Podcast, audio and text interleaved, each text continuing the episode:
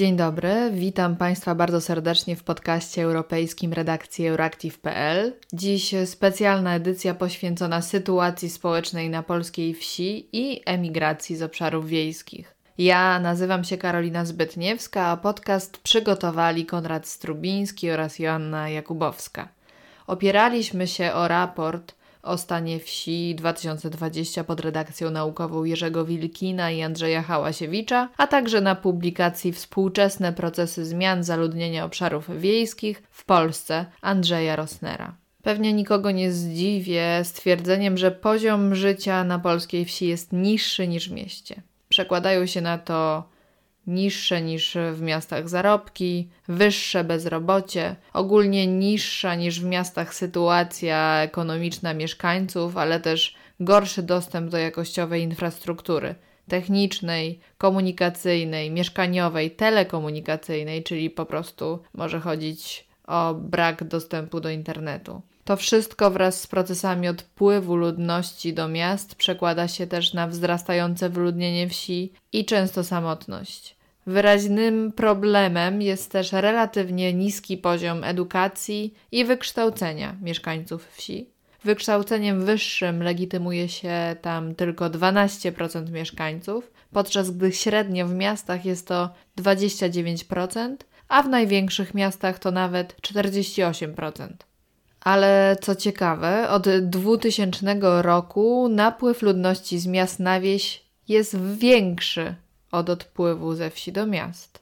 Dodatnie saldo migracji wewnętrznych utrzymuje się w większości grup wiekowych poza osobami między 20 a 40 rokiem życia. Czyli osoby między 20 a 40 rokiem życia raczej wyjeżdżają ze wsi do miasta niż odwrotnie, podczas gdy w innych grupach wiekowych raczej opuszczają miasto na rzecz gmin wiejskich i wiejsko-miejskich. E, zaraz e, wytłumaczę, jaka jest struktura tych e, migracji wewnętrznych.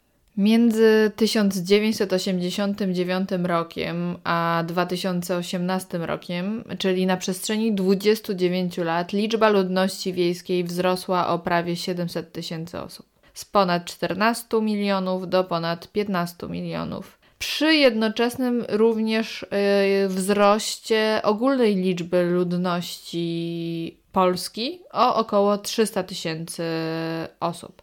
Łącznie na wsi przybyło na przestrzeni tych y, prawie 30 lat 4,9% mieszkańców. Obszary powiększające zaludnienie w wyniku tego dodatniego salda migracji wewnętrznych obejmują liczebnie zaledwie 1 trzecią gmin wiejskich i miejsko-wiejskich w Polsce. Są to przede wszystkim strefy podmiejskie wokół dużych miast sypialnie Warszawy, czy miejscowości pod Krakowem i tak i tak dalej. W większości chodzi tu o obecne i byłe miasta wojewódzkie. Zjawisko to to tak zwana migracja rezydencyjna. Jednak większość, bo aż 66% gmin wiejskich lub wiejsko-miejskich ma jednak ujemne saldo migracji wewnętrznych, czyli z 66% gmin ludzie częściej wyjeżdżali niż do nich przyjeżdżali. Są to głównie wsi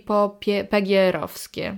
Wyludnia się głównie wieś e, Polski centralnej, przede wszystkim pogranicze województwa mazowieckiego z kujawsko-pomorskim, podlaskim i warmińsko-mazurskim. Ale nie tylko. Intensywnie wyludnia się także wieś na Pomorzu Środkowym, wschodnia część województwa lubelskiego i zachodnia część województwa podlaskiego.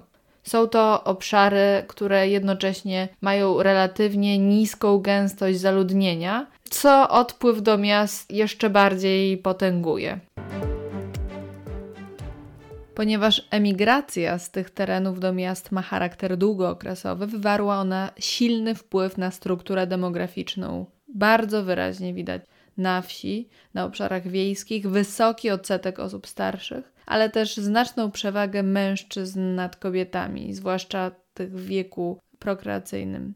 To kolejny problem, który utrudnia założenie rodziny, zakładanie rodzin, a to też przekłada się na dalsze wyludnianie się wsi, ale też na starzenie się tej tak zwanej e, nadwyżki kawalerów i brak kolejnych młodych pokoleń e, w rolnictwie jednocześnie. Teraz e, rzecz o tak zwanym drenażu mózgów, z angielskiego brain drain, bo ludzie migrujący ze wsi do miast to w większości ludzie młodzi. Młodzi, którzy są jednocześnie też wykształceni relatywnie lepiej niż ich rówieśnicy, a także uzupełniający dodatkowo swoje lepsze wykształcenie i często nie wracający, by się z nim na wsi już dzielić.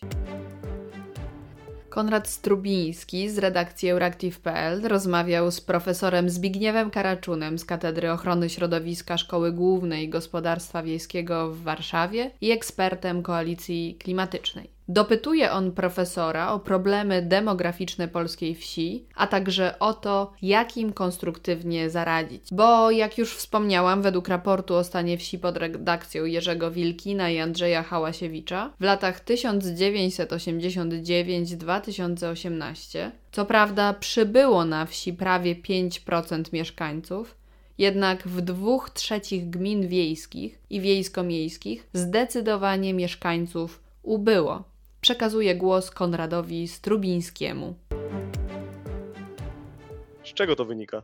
Ja myślę, że to wynika stąd, że na wieś wyprowadzają się mieszkańcy dużych miast, ale to dotyczy tak naprawdę wsi, które są niedaleko oddalone od centrów tych dużych miast, tak że można się przenieść na tereny podmiejskie i tam żyć wygodniej tak naprawdę niż w samym mieście. Natomiast pustoszeją e, tereny, które są oddalone w większej odległości od y, miast, które są położone na terenach peryferyjnych, ale problemem jest też wyjazd ze wsi młodych ludzi, ludzi w wieku produkcyjnym czy wchodzącym tak naprawdę w produkcję, którzy nie widzą dla siebie szansy na wsi i wyjeżdżają po prostu do, do miasta, żeby tam pracować. Zatem, które z tych obszarów są najsilniej dotknięte wyludnieniem? Ja bym powiedział, że to dotyczy takiej przede wszystkim e, wschodniej i południowej części Polski, województwa warmińsko-mazurskiego, dotyczy to województwa mm, lubelskiego, podlaskiego, podkarpackiego, małopolskiego, gdzie jest, są słabe gleby, gdzie z działalności rolniczej trudno się utrzymać, gdzie na terenach wiejskich nie ma dobrze rozwiniętej innych e, miejsc pracy, innego jakby rynku pracy. W związku z tym ci ludzie wyjeżdżają stamtąd, żeby szukać lepszych perspektyw. A na ile właściwie ten proces wyludniania się wsi stanowi istotny problem dla Polski i jak ewentualnie, jakie działania można podjąć, by mu zaradzić?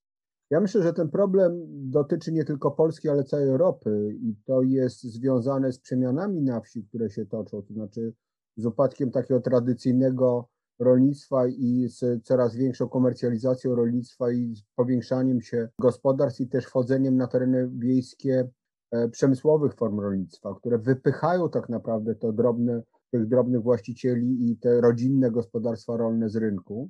Ja myślę, że można temu przeciwdziałać, ale trzeba temu przeciwdziałać w sposób bardzo mądry. To znaczy, z jednej strony wspierać właśnie e, takie rodzinne formy rolnictwa, czyli rolnictwo, gospodarstwa średnioobszarowe, ale również e, budować atrakcyjność terenów wiejskich. To znaczy, przeciwdziałać ich wykluczeniu transportowemu, wykluczeniu energetycznemu, wykluczeniu e, kulturowemu, czyli jakby dostępność do miejsc kultury. To są działania, które powinny być prowadzone przez, w ramach polityki publicznej i one mogłyby skutecznie mm, zmniejszyć tą siłę migracji z terenów wiejskich e, do miast. To była rozmowa z profesorem Zbigniewem Karaczunem z warszawskiej SGGW. A zatem, aby hamować odpływ ludności z obszarów wiejskich, trzeba nam skutecznej polityki publicznej wspierającej większą aktywizację ludności. Zdaniem profesora Karaczuna należy przede wszystkim wspierać rodzinne formy uprawiania rolnictwa, czyli wspierać gospodarstwa średnioobszarowe. Tym samym zadbamy o warunki życiowe ludzi, którzy decydują się na wsi zostać lub na nią wrócić. Należy też e, budować atrakcyjność terenów wiejskich, bo dziś kumuluje się w nich zestaw wykluczeń transportowych, energetycznych, jak już wspomniałam, wykluczenia internetowego, ale też wykluczenia kulturowego, takiego jak na przykład dostępu do domów kultury, już nie mówiąc o dostępu do kin, już nie mówiąc o teatrach czy